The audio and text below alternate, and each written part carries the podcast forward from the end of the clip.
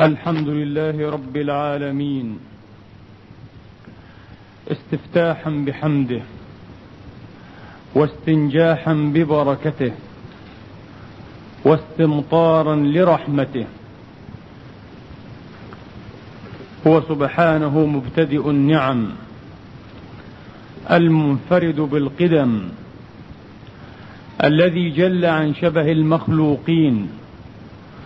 وصفات المحدثين ولي الحسنات والمبرأ من السيئات خالق الخلق ومبديه ومبقيه ما شاء سبحانه ومفنيه. مهما رسمنا في جلالك احرفا قدسية تشدو بها الأرواح. فلانت أعظم والمعاني كلها يا رب عند جلالكم تنداح. وأشهد أن لا إله إلا الله وحده لا شريك له ولا نظير له ولا مثال له. وأشهد أن سيدنا وحبيبنا وقدوتنا محمدا عبد الله ورسوله خيرته من خلقه. المصطفى لوحيه والمنتخب لنبوته والمفضل على جميع خلقه بفتح رحمته وختم رسالته. صلى الله تعالى عليه وعلى آله الطيبين الفائزين بتلقي إرساله السعداء بمتابعته في أقواله وأفعاله وصحابته الميامين المحسنين الذين اقتفوا مسالك الاتباع وجانبوا محدثات الابتداع. وعلى التابعين ابدا وعلينا معهم بفضله ورحمته سبحانه وسلم تسليما كثيرا. عباد الله أوصيكم ونفسي الخاطئة بتقوى الله العظيم ولزوم طاعته. كما أحذركم وأحذر نفسي من عصيانه ومخالفة أمره لقوله سبحانه وتعالى من عمل صالحا فلنفسه ومن أساء فعليها وما ربك بظلام للعبيد. ثم أما بعد أيها الإخوة المسلمون الأحباب يقول الحق سبحانه وتعالى في محكم الكتاب. بعد أن أعوذ بالله من الشيطان الرجيم. بسم الله الرحمن الرحيم. ولا تقتلوا أولادكم خشية إملاق نحن نرزقهم وإياكم إن قتلهم كان خطأ كبيرا. ولا تقربوا الزنا إنه كان فاحشة وساء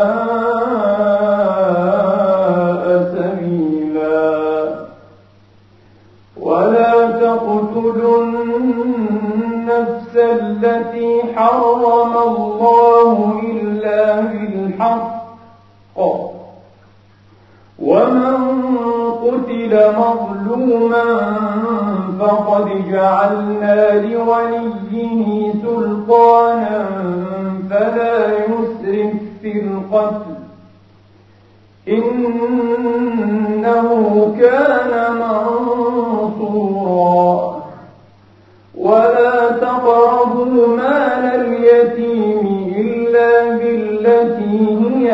أحسن حتى يبلغ أشده. وأوفوا بالعهد إن العهد كان مسؤولا. وأوفوا الكيل إذا كلتم وزنوا بالقسطاس المستقيم. ذلك خير وأحسن تأويلا. ولا تقف ما ليس لك به علم. إن السمع والبصر والفؤاد كل أولئك كان عنه مسؤولا. ولا تمش في الأرض لن تخرق الأرض ولن تبلغ الجبال طولا. كل ذلك كان سيئه عند ربك مكروها. ذلك مما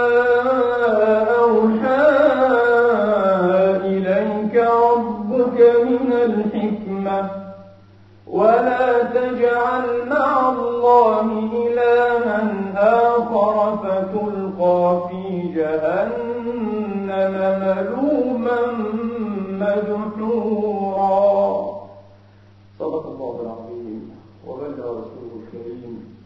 ونحن على ذلك من الشاهدين. اللهم اجعلنا من شهداء الحق. القائمين بالقسط آمين. اللهم آمين. أيها الإخوة الأحباب سؤال نبتدئ به خطبتنا في مقامنا هذا. ترى لو أن نفرا من أسلافنا الصالحين المغرورين بعثوا ليشهدوا الزمان الذي نشهد وليعيشوا الحياة التي نعيش. ماذا كان سيثير استغرابهم ويحرك دهشتهم من هذا الزمان ومن هذه الحياة التي نعيش؟ بديه أن بعضا سيسارع إلى الجواب ليقول إن ما سيحرك دهشتهم ويثير استغرابهم هو هذا الانقلاب المعجب في العلم الطبيعي. الذي سخر هذا الوجود المادي أو كاد للإنسان فقرب البعيد ويسر العسير ووفر على الإنسان جهده العضلي ومن بعد جهده العقلي المعنوي في عصر الحواسيب وثورة المعلومات كما يقال.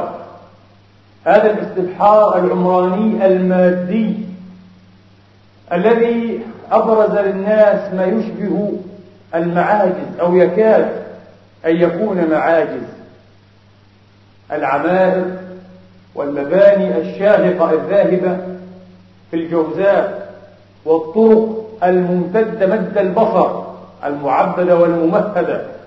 وهذه الوسائل والتقنيات العالية المدهشة الغريبة.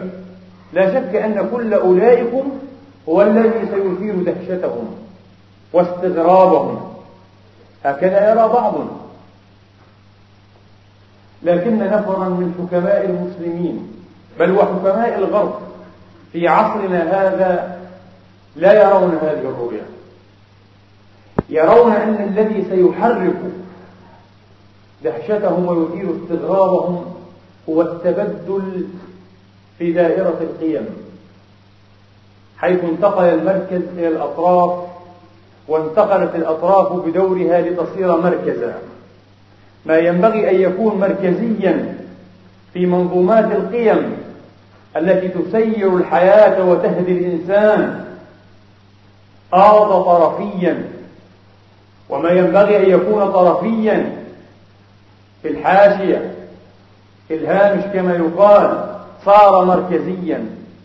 هذا الذي سيثير استغرابهم ولن يثير استغرابهم كثيرا أو دهشتهم هذا الاستبحار العمراني وهذا التقدم التقني كما يقال وهذا النبوغ وهذه الفتوح في ميدان العلم الطبيعي التجريبي. كلا إنهم سيعجبون لهذا الإنسان كيف يمكن له أن يعيش هذه المعيشة كيف يحيا هذه الحياة بمنظومة قيم مهترئه مهتزة غير متناسقة وغير متساوقة مع فطرة الإنسان مع باطن الإنسان. إذا الرؤية تختلف عن هذه الرؤية التي يراها عامة الناس التي يراها عامة الناس. إنها رؤية مختلفة تماما.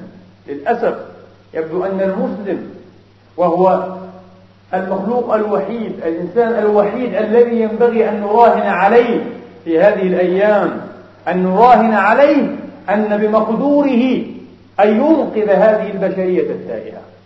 هذه ليست عبارات خطابية ليس فيها شيء من المبالغة أو من التجوز. فالبشرية حقا تائهة ساجرة تضرب في عماء وتخبط خبط عشواء لا تهتدي سبيلا. إن منظومة أو منظومات القيم التي تحرك الإنسان وتسير الحياة في أيام الناس هذه تثير عجب الراشدين من بني الإنسان. الصدارة في هذه المنظومة التي يمكن أن نسميها منظومة الاستهلاك. الصدارة لماذا؟ لمفاهيم وقيم من نوع الأنفع لا الأرفع. وهذا هو الفرق بين العقل بين العقل والمروءة. فقد سئل حكيم عن فرق ما بين العقل والمروءة. فقال العقل يأمر بالأنفع والمروءة تأمر بالأرفع. البشر لا يفهمون هذا المعنى اليوم. إلا ما ندر إلا ما لا يفهمون هذا المعنى. لا يفهمون إلا مصطلح وقيمة النفع. أن أنتفع وأن ألتذ وأن ألبي حاجات الدنيا. الحاجات العليا أصلا لم يعد لها مكان للأسف. الحاجات العليا لم يعد لها مكان كلها حاجات دنيا.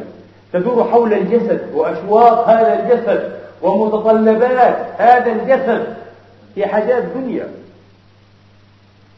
إذا الأنفع وليس الأرفع. الحرية الشخصية كما يقال حرية الإنسان الشخصية. بإزاء هذه الحرية. تبرز منطقة أحب أن أسميها منطقة الفراغ القيمي أو القيمي. إذا نسبنا إلى المفرد. والنسبة إلى الجمع شذوذ إلا أن تجاد. منطقة الفراغ القيمي. هذه المنطقة يتحرك فيها الهوى. ما معنى منطقة الفراغ القيمي؟ معناها غياب المعايرة القيمية أو القيمية. غياب معيار حقيقي. لا يتصف بهذه النسبوية التي يراد لها أن تطبع كل شيء في حياة الناس اليوم. غياب هذا المعيار الذي يمكن به معايرة القيم السائدة أو باصطلاح أحد الفلاسفة يعني قيام محاكمة تمييزية للقيم الشائعة. محاكمة تمييزية للقيم الشائعة. فيغدو بمقدور الإنسان أن يميز بين الحق والباطل بين الطيب والخبيث بين الصالح والفاسد. وفي ظل هذا الوضع وضع وجود منطقة الفراغ القيمي أو القيمي ما هو الحاكم؟ المزاج والهوى وأميال النفس. إذا منظومة جديدة منظومة قيم أهوائية مزاجية نفسانية الذي يرى الإنسان يسد حاجته المعنوية ويلبي شوقه إذا هو قيمة معتبرة. يعتد بها ما لم يجر على غيره وهذا مستحيل لو أردنا أن نحلل. هذه النقطة تحليلا فلسفيا واجتماعيا ونفسيا. عميقا لوضح لنا وربما يكون لنا ميدان آخر في محاضرة مطولة لمناقشة هذه المسألة فلسفيا. لبان لنا ولوضح لنا جليا أن هذا القول تلبيس وتدليس على الناس. لا يمكن لا يمكن أن تفصل الحرية الشخصية عن الحريات المجموعية أو المجتمعية عن حريات الآخرين. لا يمكن أن تنفصل حياة الفرد عن حياة المجموع عن حياة الكل حتى يقال إنه حر يفعل في نفسه ما يشتهي وما يريد. ما لم يجر على الآخرين إنه سيجور عليهم حتما. لأن من انعطبت دخيلته وفسدت نفسه لا يمكن أن يرتجى منه صلاح لغيره. كيف؟ هذا تهوين هذا هو من التلبيس. هذا هو التيه والحيرة التي تتكاءدها وتتكابدها البشرية اليوم في غيبة سيادة منظومة القيم الربانية القرآنية التي لا يراهن إلا على المسلم أن يبشر بها وأن يطلع بمهم التبشير بها. لا يراهن إلا على هذا المسلم المسكين. المسلم إذا أجاب بالجواب الأول إذن هو إنسان للأسف دون الرهان. الذي يرى أن ما في هذه الحضارة مما يعجب ومما يدهش هو ما ذكرنا. كلا. إذن هو دون هذا الرهان للأسف الشديد. ينبغي أن يكون أعلى من ذلك وأوعى من ذلك. ترون أيها الإخوة الأماجد لو أردنا أن نسأل أنفسنا هذا السؤال ما الذي يمكن أن نعطيه كمسلمين لهذه البشرية التائهة السادرة اليوم هل نعطيهم فلسفات وأيديولوجيات؟ هم أهلوها. هل نعطيهم علما طبيعيا تجريبيا؟ هم ابن بيجته كما يقال والمبرزون في حلبته. هل نعطيهم تقنيات عالية؟ وتكنولوجيا رفيعة متقدمة؟ من عندهم من لدنهم عرفنا هذه الأشياء. هذا يمكن أن نعطيهم. لا يمكن إلا أن نعطيهم الجوهر بإزاء هذه القشور والمظهر. هذا كله قشور. كله مظهريات جوفاء فارغة لأنها لم تستطع أن تتعمق مكنون النفس الإنسانية. لم تستطع أن تتعامل مع هذا الخلق الرباني المشيد العجيب مع هذه الأمانة الإلهية في الخلق مع هذا الإنسان المستقلب لم تستطع أن تتعامل معه بما يكفل احترام هذا السر الكبير وهذه الأمانة الثقيلة في هذا الإنسان في هذا المكرم الإلهي في مسجود الملائكة. كلا لم تستطع. إذا إنها, إنها تدور فقط مع الظواهر ومع القصور مع مبادئ الأمور وبدائها لا مع جواهرها ومكنوناتها وأعماقها. هذا هو الحق. إذا يمكن أن نعطي البشرية الكثير الكثير. إذا فهمنا رسالتنا في العالمين إذا اطلعنا بفهم إسلامنا كما ينبغي لنا أن نفهم والعمل به كما ينبغي أن نعمل. هذا هو الفرق. أيها الإخوة إذا ليس الانقلاب الصناعي ولا الانقلاب العلمي المادي هو الذي سيدهش أسلافنا المبرورين الحكماء كلا بل هو انقلاب نظم القيم منظومات القيم هو الذي سيدهشهم. سيرون وقد غابت من مصطلحاتنا من قواميسنا ألفاظ ومصطلحات الوفاء الشرف العفة المروءة العيش للآخرين إسعاد الآخرين. وسيرون كما قلنا سيادة وفشو مصطلحات وقيم الحرية الشخصية النفعية اللذة الشهوات الاستهلاك الأنانيات والعياذ بالله القوة وليس الصلاح والبقاء الأقوى وليس للأصلح شريعة الغاب منظومة قيم مخيفة. نعم مخيفة والوضع الذي تعيشه البشرية وضع مخوف وضع مزعج وضع لا يبشر بالأمان. أخطر وضع تمر به البشرية هو الذي تعيش في هذه العقود. البشرية لأول مرة غدا يا إخواني مقدورها لو أرادت أن تنهي مصيرها مصير المقتدرين ومصير العاجزين مصير الحكماء ومصير المأفونين وهذا وضع خطر جدا لم يسبق البشرية أن تردت إليه أو وصلت إليه. إذا هذا التبدل في منظومة القيم هو الذي سيثير الدهشة والاستغراب.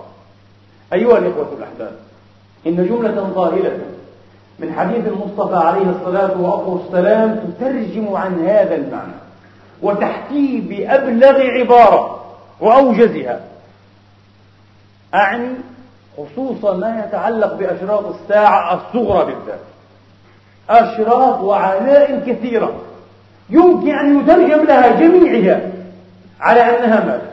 على أنها تحكي هذا التبدل الهائل المخوف في منظومة القيم.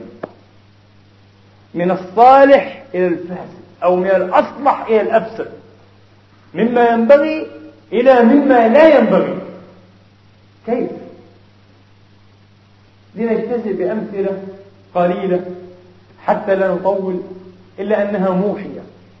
مثلا الحديث الذي أخرجه الإمام الترمذي في سننه وقال حديث حسن غريب عن الإمام علي كرم الله وجهه ورضي الله عنهم وأرضاهم أجمعين. قال قال رسول الله صلى الله عليه وآله وأصحابه وسلم إذا فعلت أمتي خمس عشرة خصلة إذا فعلت أمتي خمس عشرة خصلة فقد حل بها البلاء إذا ينبغي أن نقف مليا وأن نتفكر عميقا في هذه الخصال الخمس عشرة. إذا فعلت أمتي خمس عشرة خصلة انظروا هل فعلناها؟ هل فشت هذه الخصال في أكثر الأمة أو لم تفشوا بعد ونرجو ذلك. انظروا واختبروا. وليسأل كل امرئ نفسه أيضا. قيل وما هي يا رسول الله؟ صلى الله عليه وآله وأصحابه وسلم. قال عليه السلام إذا كان المغنم دولا المغنم الغنائم المنافع وهذا يمكن أن يعمم على حقوق الأمة لأن هذا المغنم الأمة وقسمته في كتاب الله واضحة بينة. فكيف ليس بالمغنم فقط؟ إذا جعلت أموال الأمة وثروات ومقدرات الأمة دولا ما معنى دولا؟ أي يتداولها فئة قليلة من الأمة. فئة قليلة. أحاد أحاد صدقوني أحاد وأفراد هناك بعض الدراسات هي يمكن أن نسميها بالفضائح. بعض الدراسات الفضائحية أو بعض الفضائح المدروسة تبين أن الذي يحتاج أكثر من 95% من أموال الأمة أفراد يعدون عدا ويحصون إحصاء والعياذ بالله. إذا هذه الخصلة واضحة جدا. والأمة طبعا ترسف في أغلال الفخر والضعف والعوز والفقد إذا كان المغنم دولا وكانت الأمانة مغنمة. الخيانة تفشو الخيانة. يأتمنك أحدهم على شيء فتأخذه والعياذ بالله. والعياذ بالله لا أمانة. الآن اسألوا التجار. اسألوا اسألوا أصحاب الأمانات. اسألوا أصحاب المحال والمصالح والمؤسسات. كم من الذين عملوا تحت إدارتكم في محالكم في تجاراتكم من الوكلاء والأوصياء والعمال والموظفين والإداريين كم من هؤلاء وجدتم أمينا؟ يقولون كدنا لا نجد أحدا. خيانة فاشية والعياذ بالله. لا يؤتمن أحد على شيء إلا غل إلا خاس بعهده إلا غدر والعياذ بالله. في حديث حذيفة وهو في الصحيحين حتى يشار يا إخواني للرجل يقال إن في بني فلان رجلا أمينا. في القوم في المدينة في الأمة. يقال في بني فلان في القبيلة الفلانية وربما تعد هذه القبيلة بالآلاف إن فيهم فلانا وهو أمين. لندرة ماذا؟ الأمناء والعياذ بالله. إذا كانت الم... إذا كان المغنم دولا وكانت الأمانة مغنما والزكاة مغرما. ما معنى الزكاة مغرما؟ يعني دين يراها الذي تجب في ماله. يراها دينا يراها ضريبة. بلغة العصر ضريبة ظاهرة لا يريد أن يخرج زكاة ماله حسب بعض هؤلاء الأغنياء الأثرياء المتمولين ممن أعطاهم الله الملايير لا الملايين. وقرأنا قصته وسمعناها غير مرة. حسب زكاة المال فإذا هي مبلغ طائل مجد فقال كلا لا أخرجها. إنها كثيرة والعياذ بالله. هذا هو. حتى بعض البسطاء بعض بسطاء الأغنياء. لا تجود نفسه بما لا تجود؟ وهل هذا من الجود؟ هل هذا من الكرم يا مسكين؟ هذا من الحقوق المتأكدة. هذا من الحقوق المقررة التي لم يرضى الله سبحانه وتعالى فيها قسمة نبي ولا غيره كما قال النبي عليه الصلاة وأفضل السلام حتى كان هو الذي قسمها بنفسه فقال إنما الصدقات للفقراء الآية من سورة التوبة. لم يرضى الله في قسمتها إلا قسمة نفسه لا إله إلا هو. يراها بعضهم مغرما لا يريد أن يخرجها لا يفكر فيها يتناسى يتناسى لا يحسب أن عنده نصابا وكم حال من حول على هذا النصاب يتناسى يحسب أن الله ينسى. إن نسي الأغر الجاهل يحسب أن الله ينسى. كلا. ولا يأتين هذا الحرام على ماله. فيدمره تدميرا إن شاء الله. وهذا وعد من الله ورسوله. فيدمره تدميرا. هذا الماء القليل للأسف. والزكاة مغرمة. وأطاع الرجل زوجته. وعق أمه. نحن الآن نرى من المسلمين من يكاد يعبد زوجته. يصدر عن رأيها والله بعض الرجال تحركهم زوجاتهم. مساكين هؤلاء الرجال. إخوان النساء. تحركهم أزواجهم. ويغضبون أمهاتهم وآباءهم في طاعة أزواجهم. الله أكبر. لماذا؟ قد يحسب هذا الأحمق العاصي لله تبارك وتعالى بعقوق والديه أن هذا من البر وأن هذا من تكريم المرأة. هلا كرمت أعظم امرأة وهي أمك يا مسكين قبل أن تكرم زوجتك كرم أمك. هذا من أشراط الساعة من التبدل في القيم. الأم التي حملت تسعة أشهر وهنا على وهن. مشقة فوق فوق مشقة وكابدت الوضع والسهر والرضاع والهموم والتباريح من أجله. ولا زال قلبه يتقطع خوفا وشفقة عليه كأنه لا يزال طفلا صغيرا غرا. هذه الأم لا تستأهل هذه المبرة الزوج تستأهلها الذي عرف التي عرفها قبل سنة أو سنتين وعقد عليها. تبدل لا وفاء والعياذ بالله لا وفاء لا وفاء حتى للأمهات أعظم الخلق حقا على الإنسان الأمهات. قبل أي خلق آخر الأمهات يا إخواني. وأطاع الرجل زوجته وعق أمه وبر صديقه وجفى أباه. يبر صديقه لكنه يجفو أباه.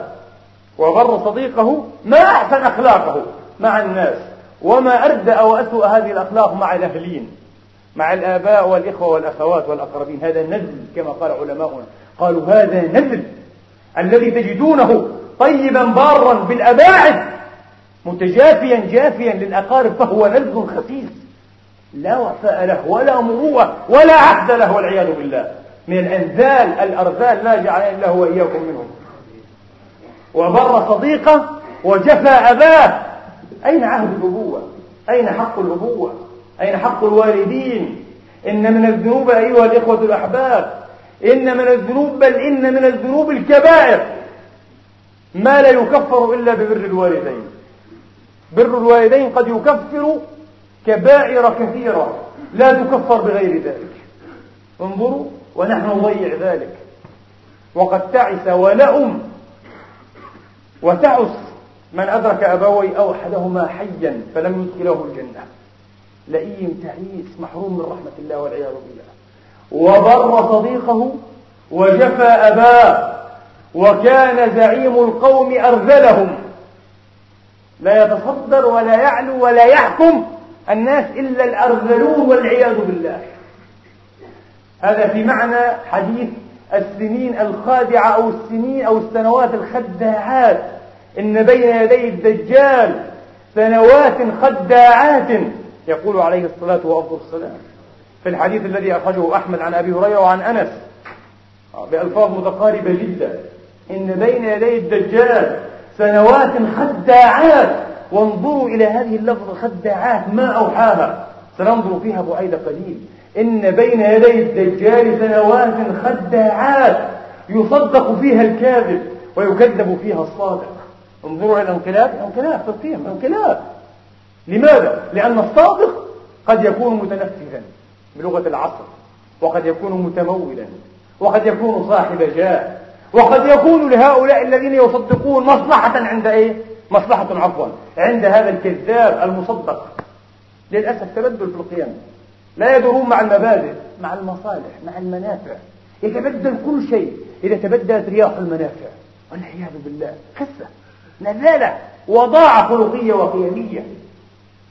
يصدق فيها الكاذب ويكذب فيها الصادق لأنه غير متنفذ وضعيف. وليس عنده المال وليس عنده مصالح العباد فيكذب وهو صادق. ويكذب فيها الصادق. ويؤتمن فيها الخائن ويخون فيها الأمين. ويؤتمن فيها الخائن ويخون فيها الأمين. خونة يتحكمون في أموال الأمة.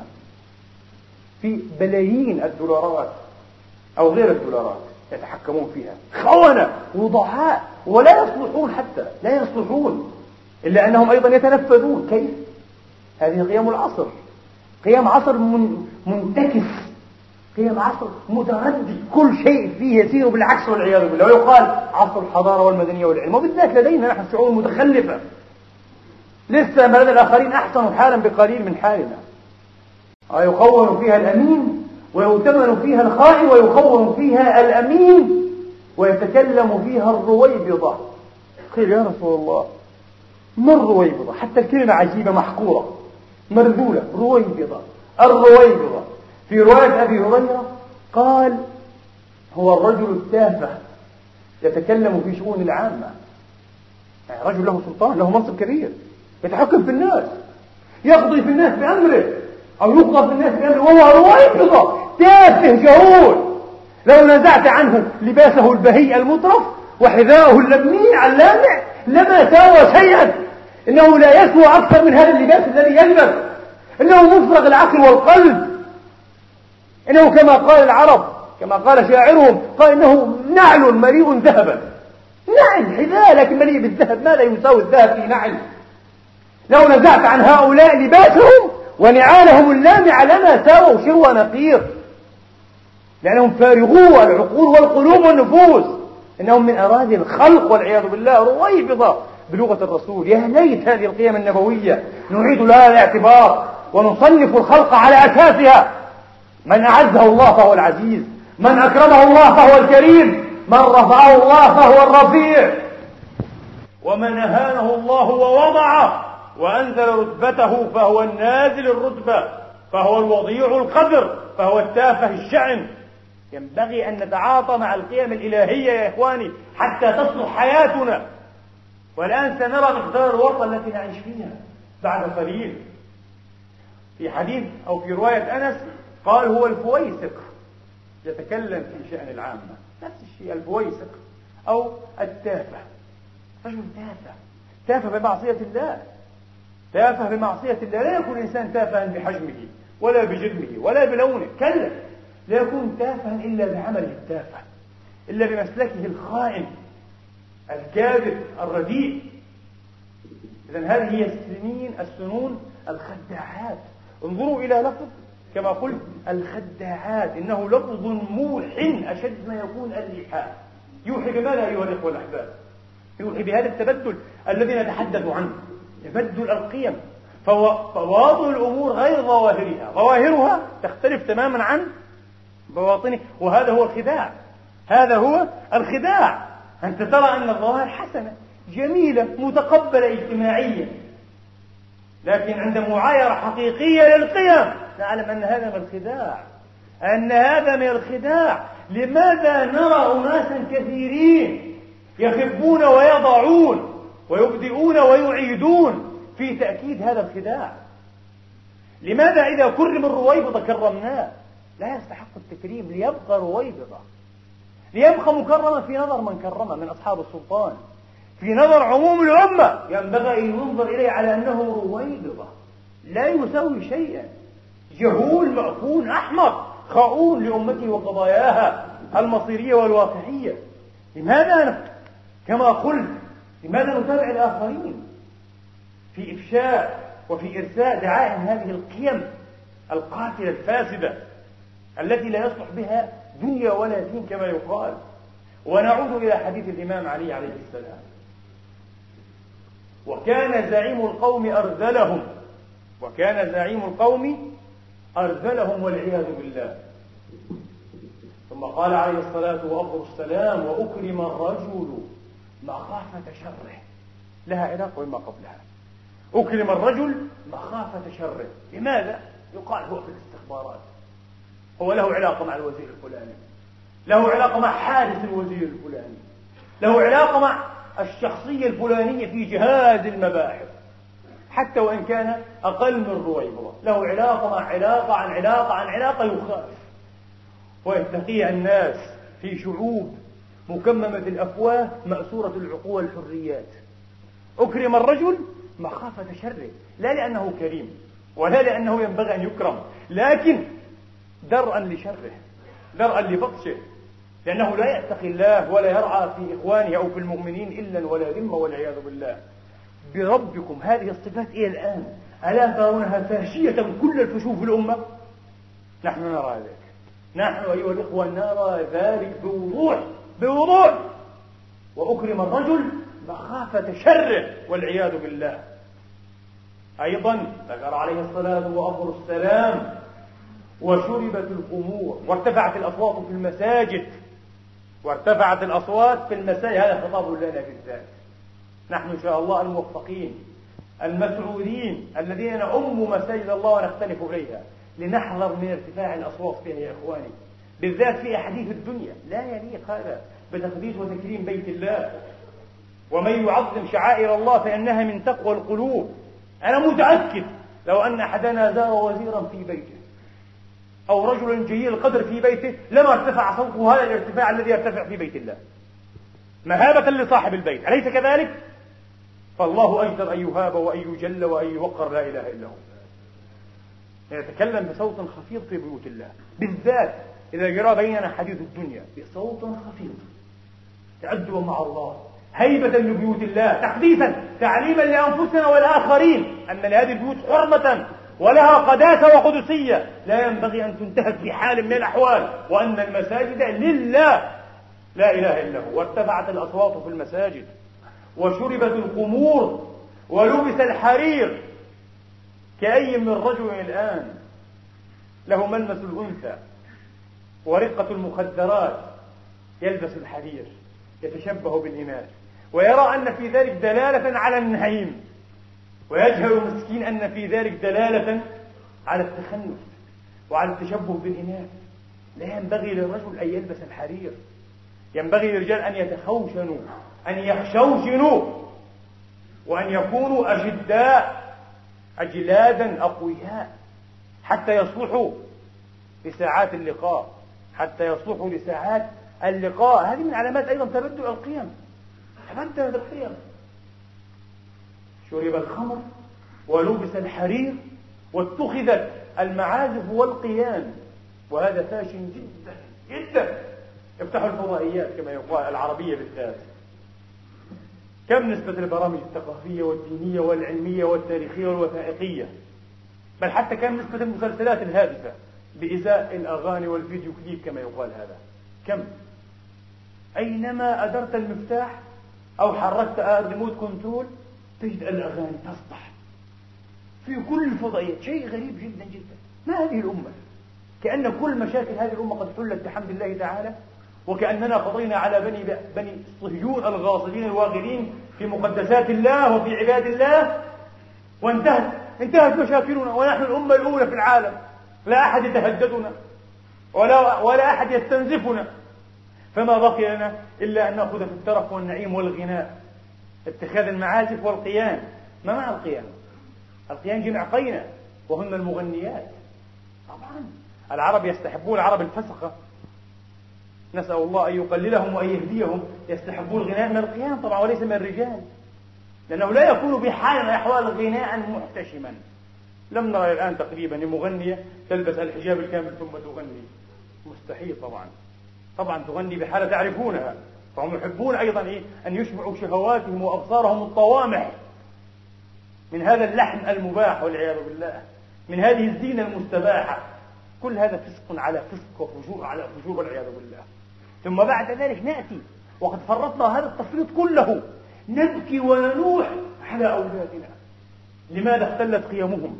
لماذا لا يستطيع أولادنا أبناؤنا وبناتنا أن يتواصلوا معنا مع نظامنا القيمي الصحيح؟ أي نظام؟ على ماذا أبقينا من هذا النظام؟ أضعنا الكثير.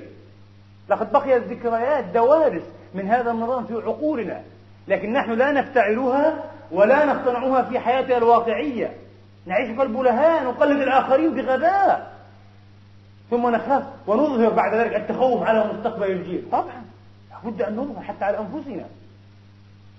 تفريط يجر إلى تفريط. واتخذت المعازف والقيام ولعن آخر هذه الأمة أولها. والله هذا يا إخواني تسمعونه كثيرا وترونه كثيرا خاصة ممن يدعون العلمانية والتنوير والعياذ بالله. يهزؤون أحيانا حتى برسول الله والعياذ بالله وهذا كفر. من استهزأ برسول الله كفر كفرا بواحا صراحة بلا مثنوية. يهزؤون من السنة من رسول الله من سيرته. كيف؟ كيف تزوج محمدا؟ إحدى عشرة امرأة. كيف تزوج بنت تسع سنين؟ كيف؟ والعياذ يغمزون رسول الله. يغمزون الجناب المصطفوي المكرم الذي ينبغي أن يحتشم كل الاحتشام. قاتلهم الله. ثم يدعون أنهم مسلمون. ويزعمون أنهم مسلمون. كذبوا. ما الذي بقي لهم الإسلام بعد أن غمزوا هذا المقام العظيم؟ قاتلهم الله أن يؤفكون طبعا وأما البخاري ومسلم والصحابة والتابعين وأمهات المؤمنين فحدث ولا حرج. والله لا يذكرون إلا في معرض الاستهزاء. نحن في القرن العشرين ونحن الآن دخلنا في القرن الواحد والعشرين في أول الألفية الثالثة ويحدثنا هؤلاء المتخلفون عن البخاري ومسلم وعائشة والطبراني. وسمعت هذا والله من أحد كبار المفكرين. باللفظ. عائشة والطبراني نفس هذه الألفاظ في معرض السخرية. قاتلك الله وهل تأتي قلامة ظفر عند عائشة؟ أو ترابا يمشي عليه الإمام الطبراني؟ من أنت؟ من أنت يا نكرة يا وضيع القدر حتى تسخر إيه؟ من هؤلاء من هؤلاء القادة من هؤلاء الرادة رادة الأمة وخيرها. أكثر من ذلك يا إخواني الآن أكثر من ذلك الآن يلعن هذه الأمة لا يلعن فقط آخرها أولها بل يلعن بعضهم بعضا. حدثني أحد إخوتي ممن لا أكذب قبل أسبوع تقريبا.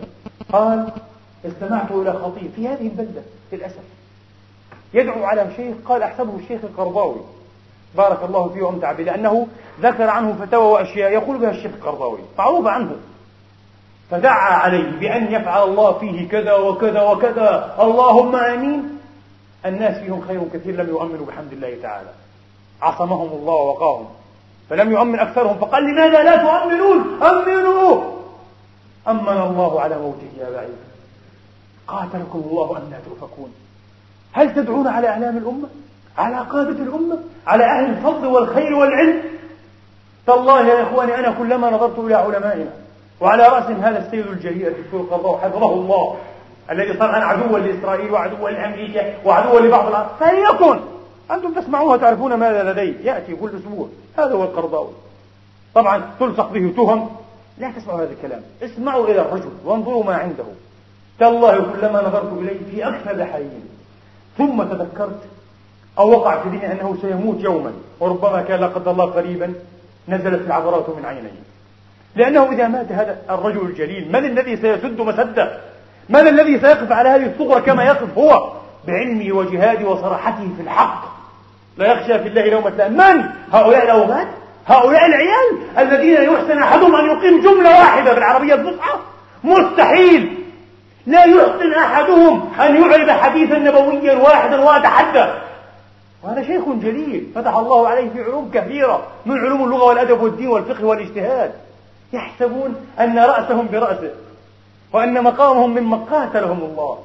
وقد سمعنا اليوم بل قد سمعت من هذا الشيخ الجليل نفسه بارك الله فيه نعي علمين من أعلام المسلمين وأثار ذلكم اللوع في قلبي عجبا فعلماؤنا ينتقصون يا إخواني. الأمة تنتقص من أطرافها بموت علمائها. يسقط هؤلاء الأطواف الشامخون فوضا من بعد فوض ولا نرى من يبرز مكانه توفي لرحمة الله الشيخ العلامة الجليل الشيخ محمد صالح ابن العثيميين العثيمين. في المملكة السعودية رحمة الله تعالى عليه وهو شيخ جليل وعلم من أعلام المسلمين إلى رحمة الله. فبكته عيون كثيرين من المسلمين. كما توفي إلى رحمة الله أيضا في لبنان الشيخ العلامة الكبير محمد مهدي شمس الدين من شيوخ إخواننا الشيعة رحمة الله عليه. وكان أيضا معروفا في الاجتهاد والتوسط ومحاولة دائما التيسير والجمع بين طوائف الأمة. يقول الحق ولا يخشى في الله لومة لائم وهكذا وصفه أستاذ القرضاوي هؤلاء ينزلون واحدا بعد واحد ينتقصون كما قلت واحدا بعد واحد.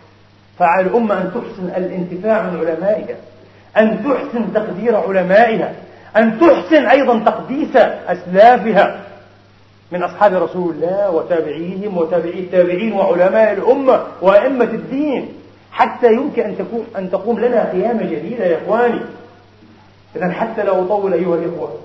علينا أن نتواصى من جديد. علينا أن ندرس هذا النظام الرباني نظام القيم النبوي المصطفوي في نفوس ناشئتنا أولادنا أبناء وبنات نظرا وعملا ولا يكفي النظر وحده. القول وحده لا يكفي. لا بد أن يكون ذلك بالقول وأن يكون ذلك بالأسوة بالعمل. أن نريهم ذلك ما استطعنا في حياتنا.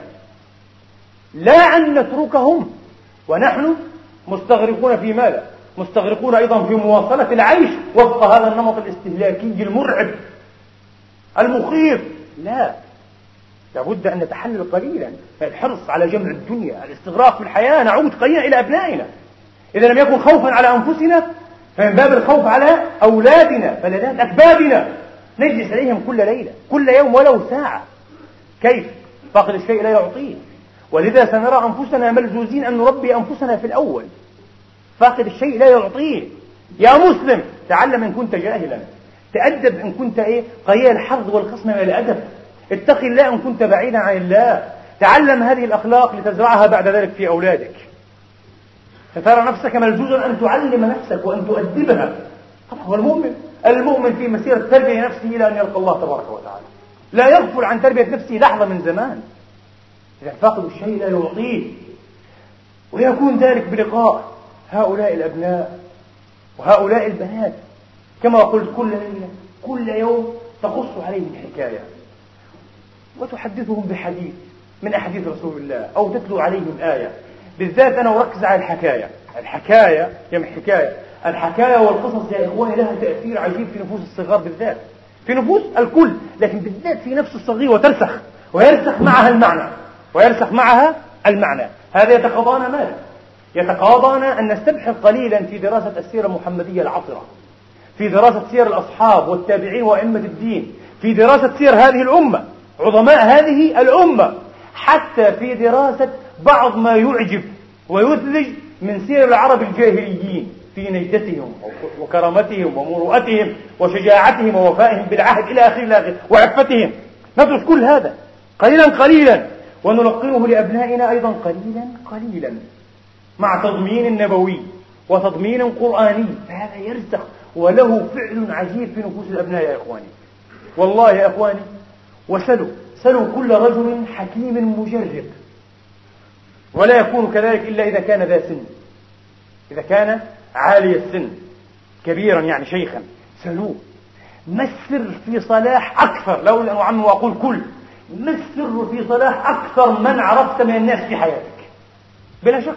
الرجل الكبير عالي السن تعرف إيه إلى كثير من الناس الصالحين. الممدوحي السيرة. الطيبي الشمائل والمآثر. سلوا عن هذا السر. سيقول لك هذا الحكيم المجرب. وقد قرأت هذا وسمعته من أكثر من شيخ كبير. يقول وجدت بالتجربة ضرورة أن السر في ذلك النشأة الأولى. من نشأ منذ رعومة الأظفار نشأة طيبة صالحة في بيت صلاح وعفة وتقى وكرم كان كذلك بإذن الله تعالى. ويندر جدا أن تجد عفيفا كريما شهما طيبا تقيا صينا دينا على كبره دون أن يكون نشأ هذه النشأة. قد يكون وليس هذا المستحيل على قدرة الله ولكن نادر. نادر جدا جدا. فلا تضيعوا الفرصة على أبنائكم. لا تضيعوها على زرعكم على هذه الذرية المسكينة بالذات في هذه البلدان يا إخواني. عودوا إلى إحياء مواصلة نظام القيم القيم الإلهية النبوية من جديد وأنا ما ذكرت إلا معالم هذه الخطة. والحديث متسع وذو شعوب وذو ذيول.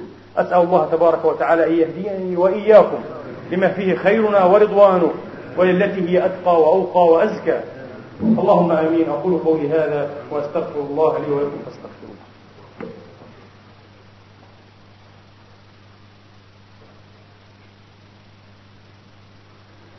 الحمد لله.